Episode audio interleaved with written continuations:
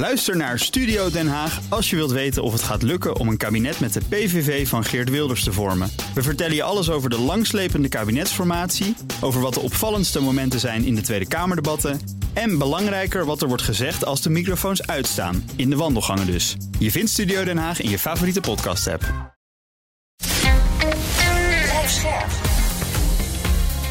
BNR Nieuwsradio.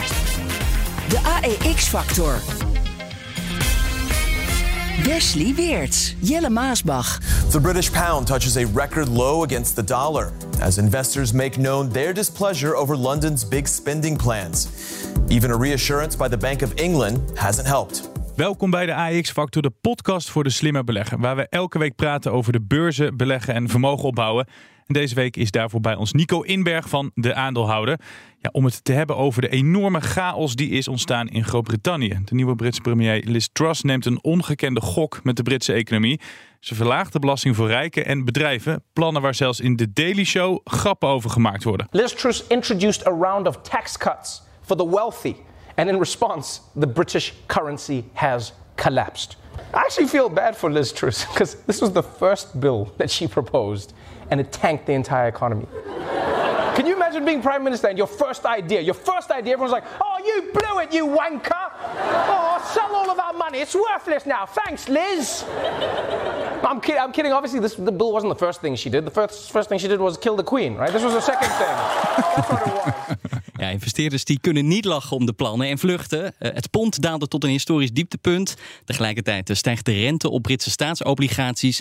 En de Bank of England drukt de paniekknop in. En zelfs het Internationaal Monetair Fonds, het IMF, tikte de Britse regering deze week op de vingers. Waarom wil Liz Truss zo graag inzetten op die zogeheten trickle-down economy? We vroegen het onze huiseconoom, Han de Jong. Nou, ik denk dat dat eh, zich onder bepaalde omstandigheden best wel heeft bewezen. Het idee is natuurlijk dat je door de belastingen te verlagen, dat je daardoor mensen aanzet om eh, initiatief te nemen, eh, om productiever te worden.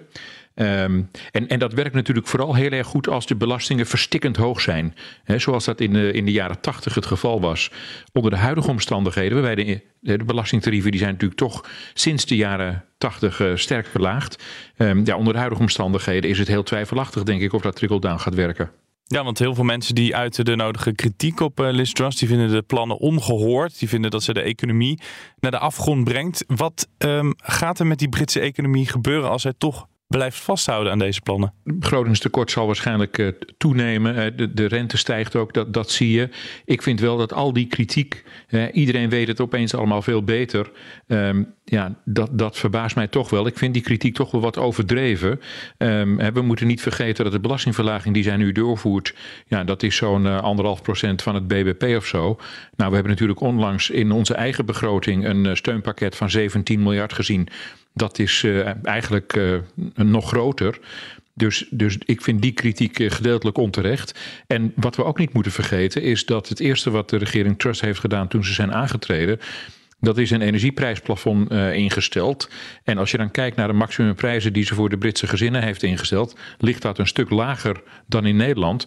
Dus deze regering geeft ook, hè, want de kritiek is natuurlijk dat met die belastingverlaging vooral de mensen met hogere inkomens daarvan profiteren. Maar ze heeft, een, eh, ze heeft de, de lagere inkomens, eh, is ze eh, al in begin september tegemoet gekomen op een manier die eigenlijk genereuzer is dan wat onze regering nu van plan is. Ze doet het eigenlijk nog niet zo slecht als ik jou zo hoor. Dat ze nou de economie helemaal naar de Filistijnen eh, helpt, dat, eh, dat lijkt mij niet. De kritiek is eh, overdreven, zegt dus onze huiseconoom Han de Jong. Nico, ben je het daarmee eens? Krijgt ze te veel kritiek? Nee, ik ben het totaal niet met Han de Jong eens. Ik denk dat, eh, kijk, bepaalde dingen die hij zegt is waar. Hè, van dat energieplafond, dat heeft ze wel goed gedaan, denk ik. Alleen, eh, wat ze nu eigenlijk doet, is het aanjagen van de economische groei. En dat is best raar als je kijkt dat in alle andere westerse landen... dat het juist de groei een beetje wordt afgeremd. Dat is de reden waarom de, de centrale banken overal de rente verhogen. De Fed heeft letterlijk gezegd, Powell, van nou, ik ga de, de vraagkant van de economie die ga ik aanpakken. Ik heb niet heel veel invloed op de inflatie, omdat energieprijzen en zo, dat, ja, daar ga ik niet over, daar kan ik niks aan doen. Maar ik kan wel de vraagkant een beetje afremmen. En we hebben natuurlijk vanuit corona is er een, enorme vraag op gang gekomen. Achtergestelde graag, uitgebleven graag. Vraag, omdat we allemaal spaargeld hebben overgehouden. Nou, dat ging op een gegeven moment de economie in. Dat heeft ervoor gezorgd dat er overal tekorten waren. Nou, dat had je ook nog met de supply chain te maken. En, en ja, dat is de reden waarom de economieën juist een beetje moeten worden afgeremd. En wat, wat zij nu gaat doen is precies het omgekeerde. Dus ze gaat eigenlijk extra stimuleren met geld wat ze niet heeft. En daar zit hem de crux, denk ik. Omdat uh, er wordt nu een ja, belastingpakket samengesteld van 45 miljard pond. En uh, kijk, in ons land, hè, wij hebben bijvoorbeeld een staatsschuld, dat is nu 48,8% van, van ons uh, nationale inkomen. Maar in Nederland ligt het al rond de 100%. Dus ze hebben ook niet zo heel veel ruimte. En dat was nou precies wat er nu aan de hand was, omdat de, de internationale gemeenschap die, ja, die hoort dat aan. Er komt een ja, nieuwe minister van Financiën, die komt met een plan. En die, de, iedereen denkt van ja, jongens, er zit geen financieringsparagraaf in. Hoe gaan jullie dat betalen? Betekent dat ze extra moeten lenen, dat de rente omhoog moet. Nou, dat, dan gaan er een aantal dingen achter elkaar gebeuren. Wat uiteindelijk heeft uh, ja, geresulteerd in een, in een afstort van de pond. Uh, de, de bonds, uh, Engelse bonds, de guilds noemen ze dat, die gingen er hard in, met name de langjarigen. En toen kwamen de pensioenfondsen in Engeland, dat, dat is wel een heel technisch verhaal, maar die, die, die moesten eigenlijk extra onderpand bijstorten. Dus die moesten die obligaties verkopen in een lege markt. Dus ja, dat, dat, kon eigenlijk niet. En toen heeft de, de Bank of England uiteindelijk gezegd van oké, dan gaan wij die wel opvangen. En die, hebben, die zijn erin gestapt. Die hebben gezegd, nou, we gaan nu voor 5 miljard per dag aankopen, eventueel. En dat heeft de boel een beetje gestopt. Zometeen meer, dan bespreken we wat dit uh, Britse experiment voor ons betekent. Maar eerst naar een overzicht van het opvallendste nieuws van de afgelopen week. Niet alleen in het VK is er paniek, ook bij ons en wel vanwege de stijgende prijzen. De inflatie is opnieuw gigantisch gestegen. En nu, stoelriemen vast, dames en heren. In september 17,1 procent. Dus uh, dit, dit, is echt, uh, dit is echt historisch. Porsche scheurde deze week naar de Duitse beurs. It was a successful debut. Interesting to say it would be successful on a day when the overall market in Europe was lower. The IPO completed with a 72 billion dollar valuation. Het is de grootste beursgang bij de Oosterburen sinds die van Deutsche Telekom in 1996. De gasprijs die schiet omhoog na sabotage van de gaspijpleidingen Nord Stream 1 en 2. Kleine slag om de arm, maar het heeft er alle schijn van dat de leidingen zijn opgeblazen. En wie daarvoor ook verantwoordelijk mag zijn, Duidelijk is wel dat wie een aanslag kan plegen op pijpleidingen die niet gebruikt worden, ook een aanslag kan plegen op infrastructuur die wel gebruikt wordt. Een enorme klap voor Apple op de beurs. Op de ene laatste handelsdag van de week verloor het aandeel bijna 5%. En dat allemaal door een adviesverlaging. Saying Apple shares quote have been perceived as a relative safe haven. However, we see risk to this outperformance over the next year as we, we expect material negative estimate revisions driven by weaker consumer demand. En Unilever moet op zoek naar een nieuwe CEO. Want Ellen Joop, de huidige topman, die stapt onverwachts op. Hij gaat uh, volgend jaar met pensioen. Een vertrek dat toch wel kwam als een uh, verrassing, hè Nico? Ja, ik moet zeggen, ik wist niet hoe lang hij er zat. Ik had het even nagezocht, maar hij heeft er toch al vijf jaar gezeten. Dus eigenlijk al best lang. Hè. Het kan natuurlijk langer, maar goed, het is ook niet niks. En nou, ze moeten op zoek naar een nieuwe topman. Dat zal ongetwijfeld, ik neem aan dat ze iemand nemen uit eigen gelederen. En uh, het aandeel Unilever is trouwens wel, want het is volgens mij begin dit jaar lag het behoorlijk onder druk. Hè, omdat ze uh, bepaalde, ze wilden een hele grote overname doen. De consumentendivisie van de GSK. Precies, dat wilden ze overnemen. En dat is uiteindelijk door de aandeelhouders eigenlijk ja, min of meer weggestemd. Ze hebben dat bod drie keer verhoogd. En toen hebben de aandeelhouders van Unilever eigenlijk gezegd, die hebben gewoon het aandeel in de verkoop gedaan, waardoor de, de koers zo onder druk lag. Dat ze eigenlijk niet meer konden betalen in, in aandelen, voor een deel in aandelen. En toen hebben ze daarvan afgezien. Heeft dat gezorgd voor zijn vertrek, denk je? Nou, het heeft natuurlijk wel meegespeeld. Want uh, ja, je kan als CEO natuurlijk, je kan je wel een paar blundertjes veroorloven, maar niet al te veel. En dit was wel, ja, deze man is gewoon uh, door zijn aandeelhouders eigenlijk teruggefloten. En uh, toen is er een andere aandeelhouder ingestapt, Peltz, Nelson Peltz. En die heeft er eigenlijk voor gezorgd dat het aandeel weer wat, weer wat omhoog ging. Ja.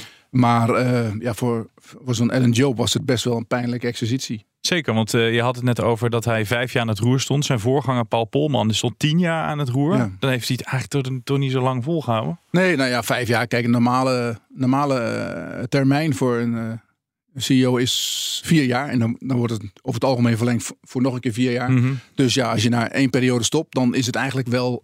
of je moet net wat anders hebben. Dat je zegt, ik wil graag wat anders doen. Dat je kan opschuiven naar een groter bedrijf, maar het geval van Unilever best lastig, denk ja. ik.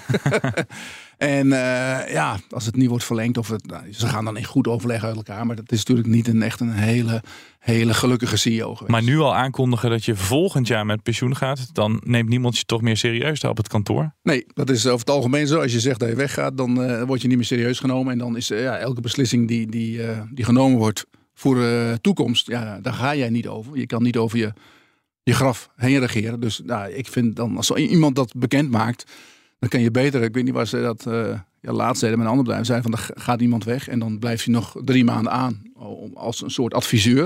Maar daarna is gewoon wegwezen. En dan uh, voor veel mensen het nieuws van de week. De gaspijpleidingen Nord Stream 1 en 2. Die ja, vrijwel zeker doelbewust zijn opgeblazen. De schade is enorm en waarschijnlijk onherstelbaar. En ondertussen zoekt een ja, angstig Europa naar de dader. Want wie zit er achter die ontploffingen?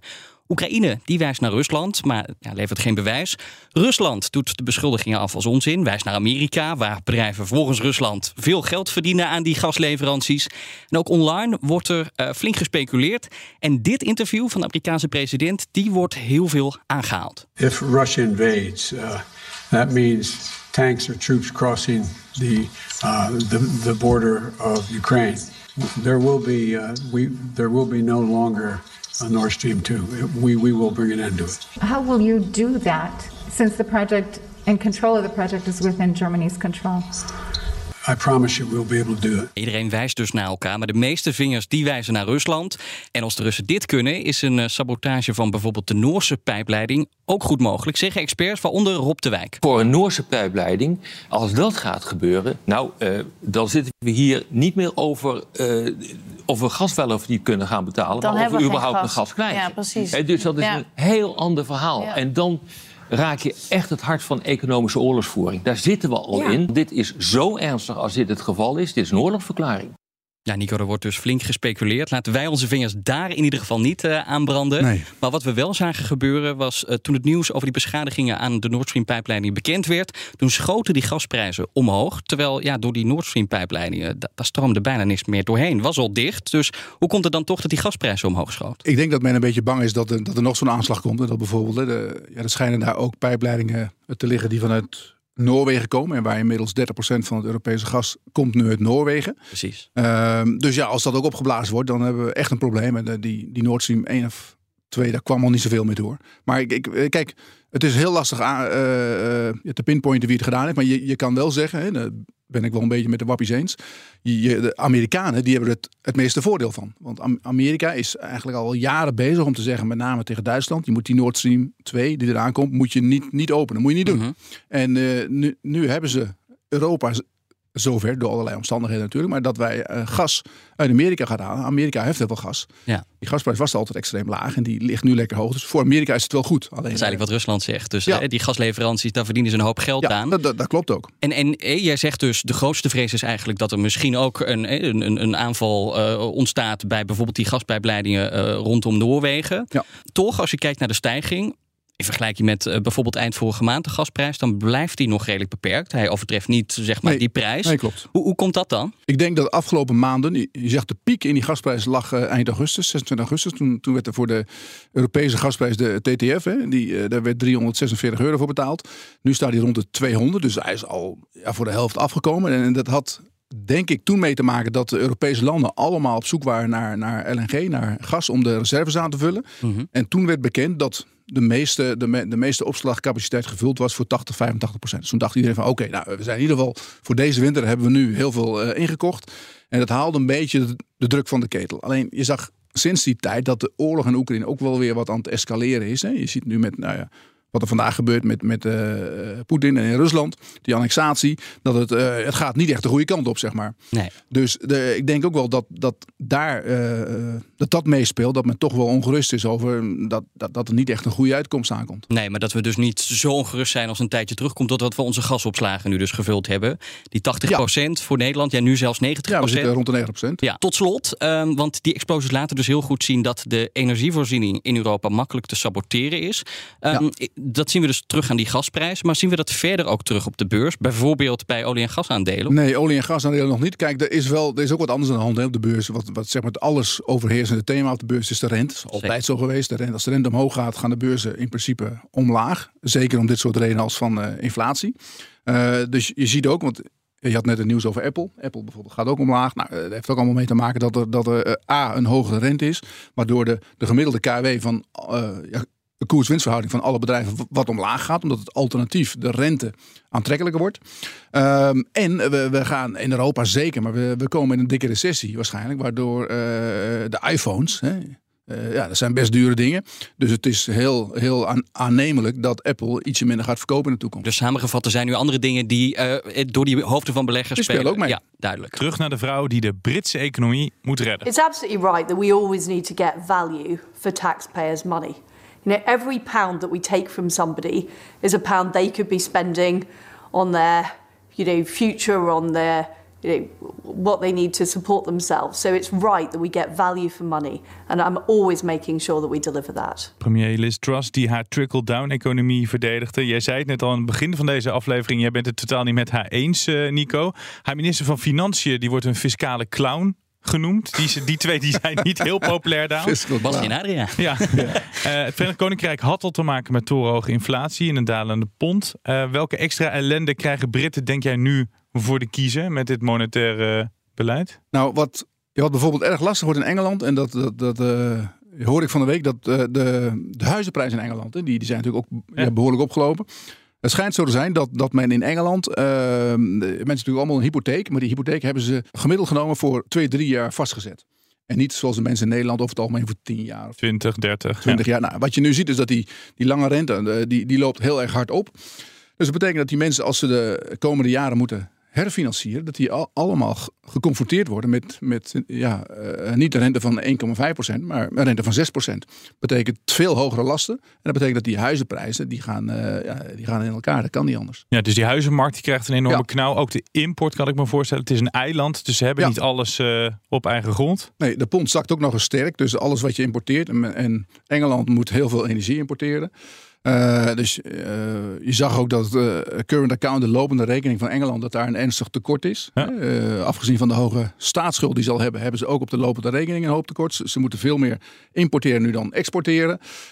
ja, en dan gaat die, die Britse pond in elkaar. Nu heeft die onze fiscale clown al gezegd van jongens, je moet niet gaan speculeren tegen het Britse pond. Maar ja, als je dat zegt, dan gaan ja. ze het natuurlijk juist doen. Dat is een recept voor, uh, voor is, ellende. Ja, uh, dus, dus dat, dat, dat wordt een drama. En ik zie uh, Soros alweer klaarstaan met zijn, met zijn, zijn sloophamer. Die heeft dat eerder gedaan. Nou, die heeft ja. heel veel geld aan verdiend. Er zijn nu ook partijen die zitten short in dat Britse pond. Ja. Omdat je, je kan eigenlijk twee dingen doen om da ja, daar tegen te speculeren. Je kan die... die die Engelse staatsobligaties geven, verkopen, zeg maar. Maar dat wordt nu lastig, omdat de Bank of England die gaat dat gewoon opkopen. Nou, die kunnen dat onbeperkt doen. Hè.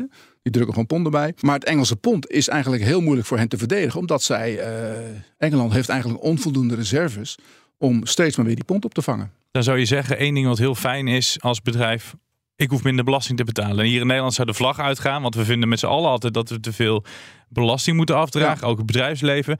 Toch, belastingverlaging schrikt ook investeerders af. Hoe, hoe kan dat?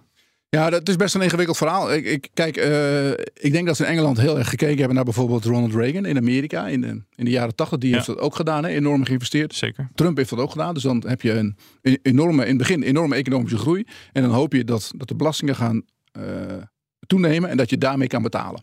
Nou, dit is, dit is eigenlijk ja, niet het moment om dat te doen. Omdat ja, de rest van de wereld wil juist een beetje afremmen. Je ziet ook de centrale banken. Die willen hun posities afbouwen. De Bank of England notabene, die, die heeft een week geleden, anderhalve week geleden, hebben ze, bekend, hebben ze de rente verhoogd in Engeland. En hebben ze meteen gezegd, we gaan ook de balans afbouwen. En nu zijn we een week later en ze doen precies het omgekeerde. Ja. Ze, ze, moeten nog wel de rente extra verhogen. Maar ze zijn de balans weer aan, aan het verruimen door extra staatsobligaties te kopen. Hoe gevaarlijk is het als een premier zo blijft vasthouden aan haar beleid? Ja, het is best lastig, want ik, uh, ik had er ook met een paar uh, echte economen over. Zeg, hoe moeten ze hier nu eigenlijk uitkomen? Het is gewoon hartstikke, hartstikke lastig. Het is een soort standoff. En uh, kijk, aan de ene kant, de Bank of England, die zal eigenlijk die zal wel zeggen tegen hun van, joh, dat moet je niet doen. Dat, is, dat gaat helemaal fout. Hè? Je moet een beetje rustig aan doen met die plannen. Ja. Maar ja, in de politiek hebben ze iets gezegd. Zij is daar op het paard gehezen. En uh, het is voor haar denk ik heel moeilijk om nu te zeggen van uh, sorry, we doen het toch anders. Of we gaan het anders insteken of wat dan ook. Of ze zou bijvoorbeeld die, die minister kunnen opofferen. Om te zeggen van nou, hij heeft het niet begrepen of hij wil het toch anders doen. Maar dat gaan ze natuurlijk niet doen. Nee. Maar dat zou wel het meest verstandige zijn. Terwijl ze uh, deze plannen eerder al heeft gecommuniceerd. Dus die Britten die hadden ook wel kunnen inschatten dat ze dit misschien ook echt zou gaan doen. Ja, maar ja goed, het was ook een beetje, ze moesten natuurlijk die verkiezingen winnen om de minister-president te worden. En dan ga je allerlei, dat is altijd zo in de politiek. Ze beloven van alles.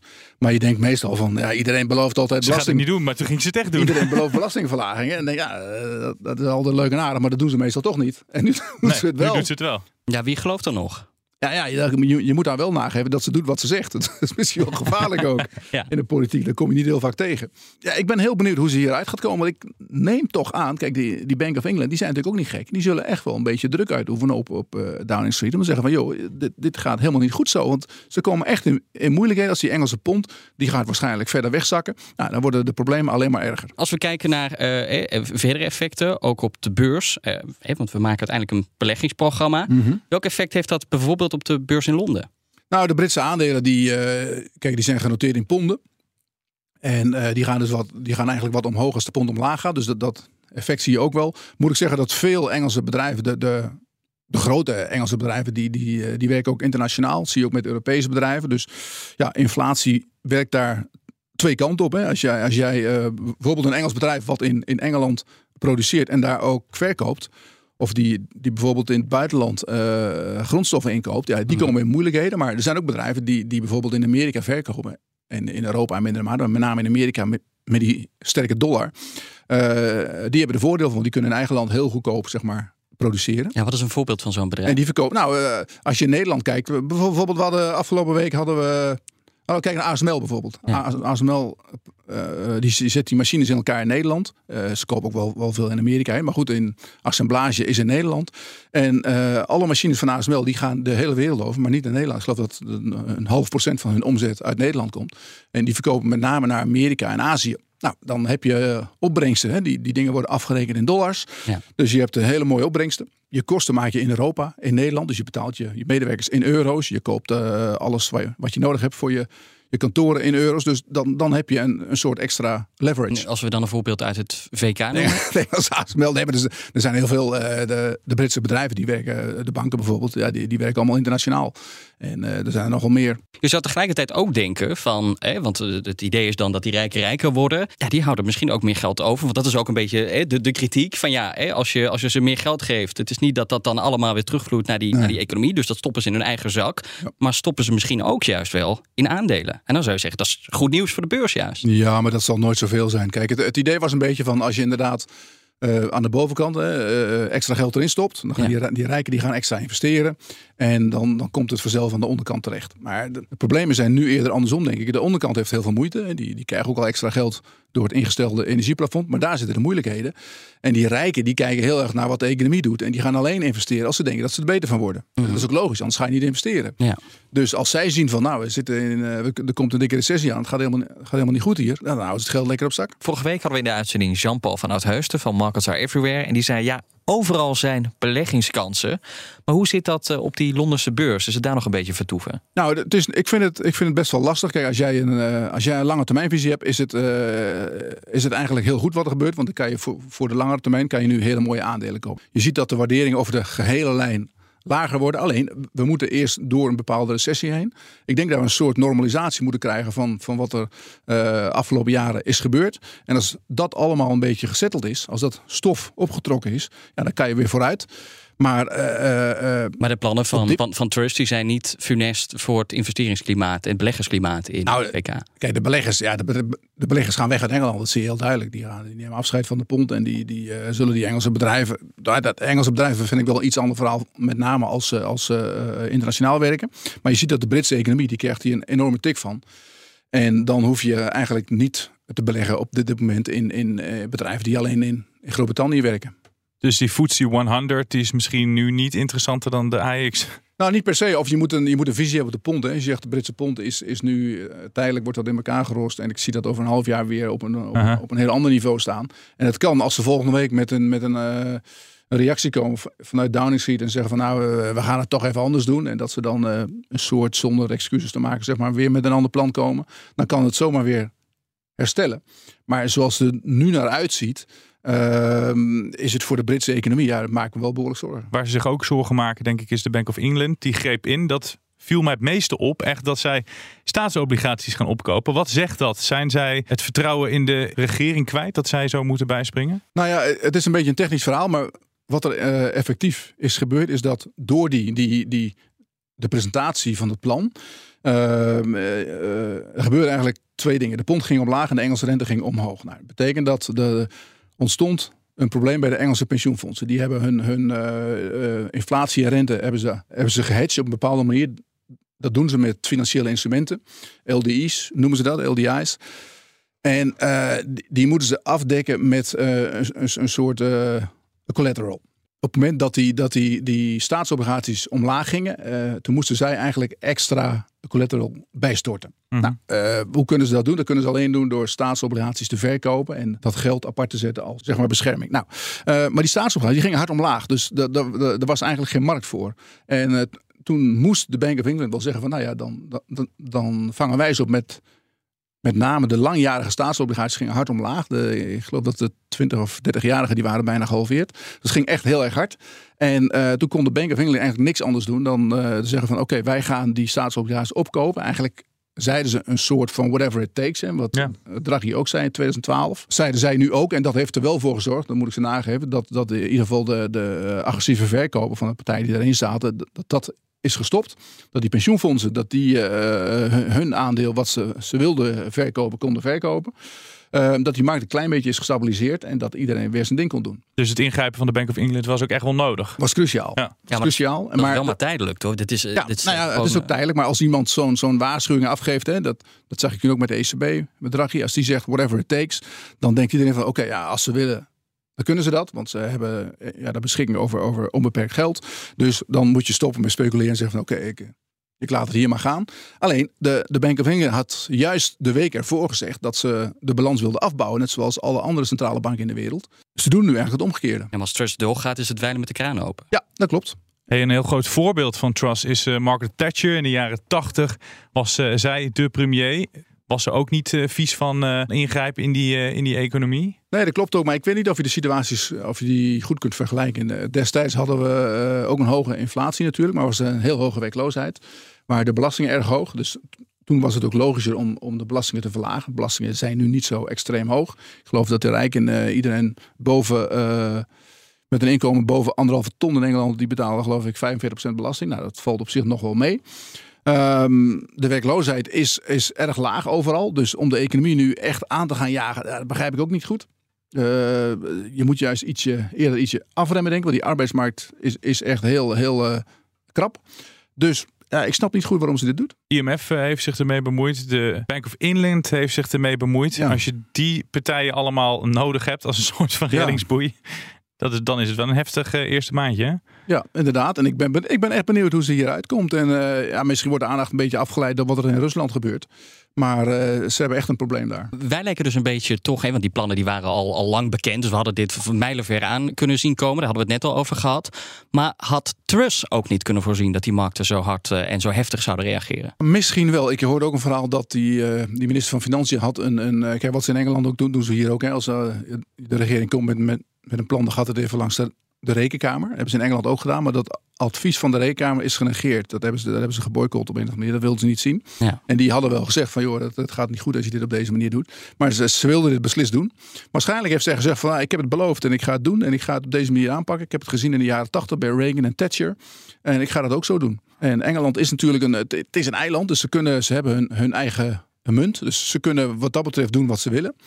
Maar eh, het is een hele bijzondere situatie. nu. Ze is te veel in de tijd, eh, in het verleden blijven hangen. Ja, zegt dat Ja. wel, terug naar de jaren tachtig. Ja, zou kunnen. Wat merken wij daar nou eigenlijk van, hier in Europa? Ja, ik vroeg jou net al een paar keer van eh, hè, welke bedrijven in het VK worden, worden Ja. geraakt. Toen Maar maakte je al de stap naar Europa. Ja, wij zitten wel een klein beetje in hetzelfde schuitje, denk ik. Omdat de ECB die, die, die, eh, die kampt met dezelfde, ma- de, dezelfde problematiek. Kijk, wij, onze overheden stimuleren eigenlijk ook een beetje. Omdat ze eh, energieplafond instellen. Dus we geven de mensen extra geld. Omdat ze anders een hele hoge energierekening hebben. Nou, dat jaagt op een of andere manier de inflatie ook weer een beetje op. Mhm. Terwijl de, de centrale banken moeten eigenlijk de rente verhogen. En die moeten stoppen met het opkopen van obligaties. Om, om eh, eh, de boel een beetje ja, tot rust te brengen. Maar wij zitten natuurlijk met Italië. Ja, precies. De Dus Italiaanse de rente is hard, bank- hard opgelopen. Dit eigenlijk is wat in Engeland gebeurt, is in Italië ook gebeurd. Italië staat de, staats, de staatsobligaties, die, die staan op eh 10 jaar, die staat op 4,6 procent. En die kwam ook van de, weet ik veel, wat stond er, anderhalf of zo, of 1 procent. Eh, Die stond echt heel laag. Dus die, die komen ook in moeilijkheden. Die moeten hun budget moeten ze aanpassen om eh, straks een hogere rente te gaan betalen. Jij trekt hier wel een parallel, want wij hebben veel kritiek nu op het beleid in het VK. Maar jij zegt eigenlijk doen we deels ook wel een beetje hetzelfde. Want je hebt de centrale banken die trappen op de rem. Ja. En de overheden die stimuleren en die trappen op het gaspedaal. Het is best een complexe situatie. Alleen eh, de, ja, ja, bij ons wordt een heel klein beetje op, de, op het gaspedaal gestapt. En uh, Liz Truss die gaat er met hele gewicht op staan. Ik weet niet hoe zwaar ze is. nee, het is niet zo zwaar, dat valt mee. Hey, wat denk jij? Gaat zij over haar trots heen stappen? Gaat ze uiteindelijk toegeven? Gaat ze nou ja, luisteren naar de meest verstandige mensen, naar bekende economen, naar bekende analisten uit Nederland, Nico Nou, Inberg. Van, zullen zeker ik moet niet- mijn beleid aanpassen. Ze zullen zeker niet naar mij luisteren. Maar ik hoop wel dat, dat de Bank of England daar een klein beetje sens in kan, eh, in kan krijgen. Het meest logische wat er gebeurt is dat ze plannen een klein beetje afzwakken. En dat ze daar wat, wat haken en ogen uithalen. En dat het dan op die manier toch een beetje tot rust komt. En dan kunnen we haar in de volgende aflevering even een complimentje geven. Precies. Jou.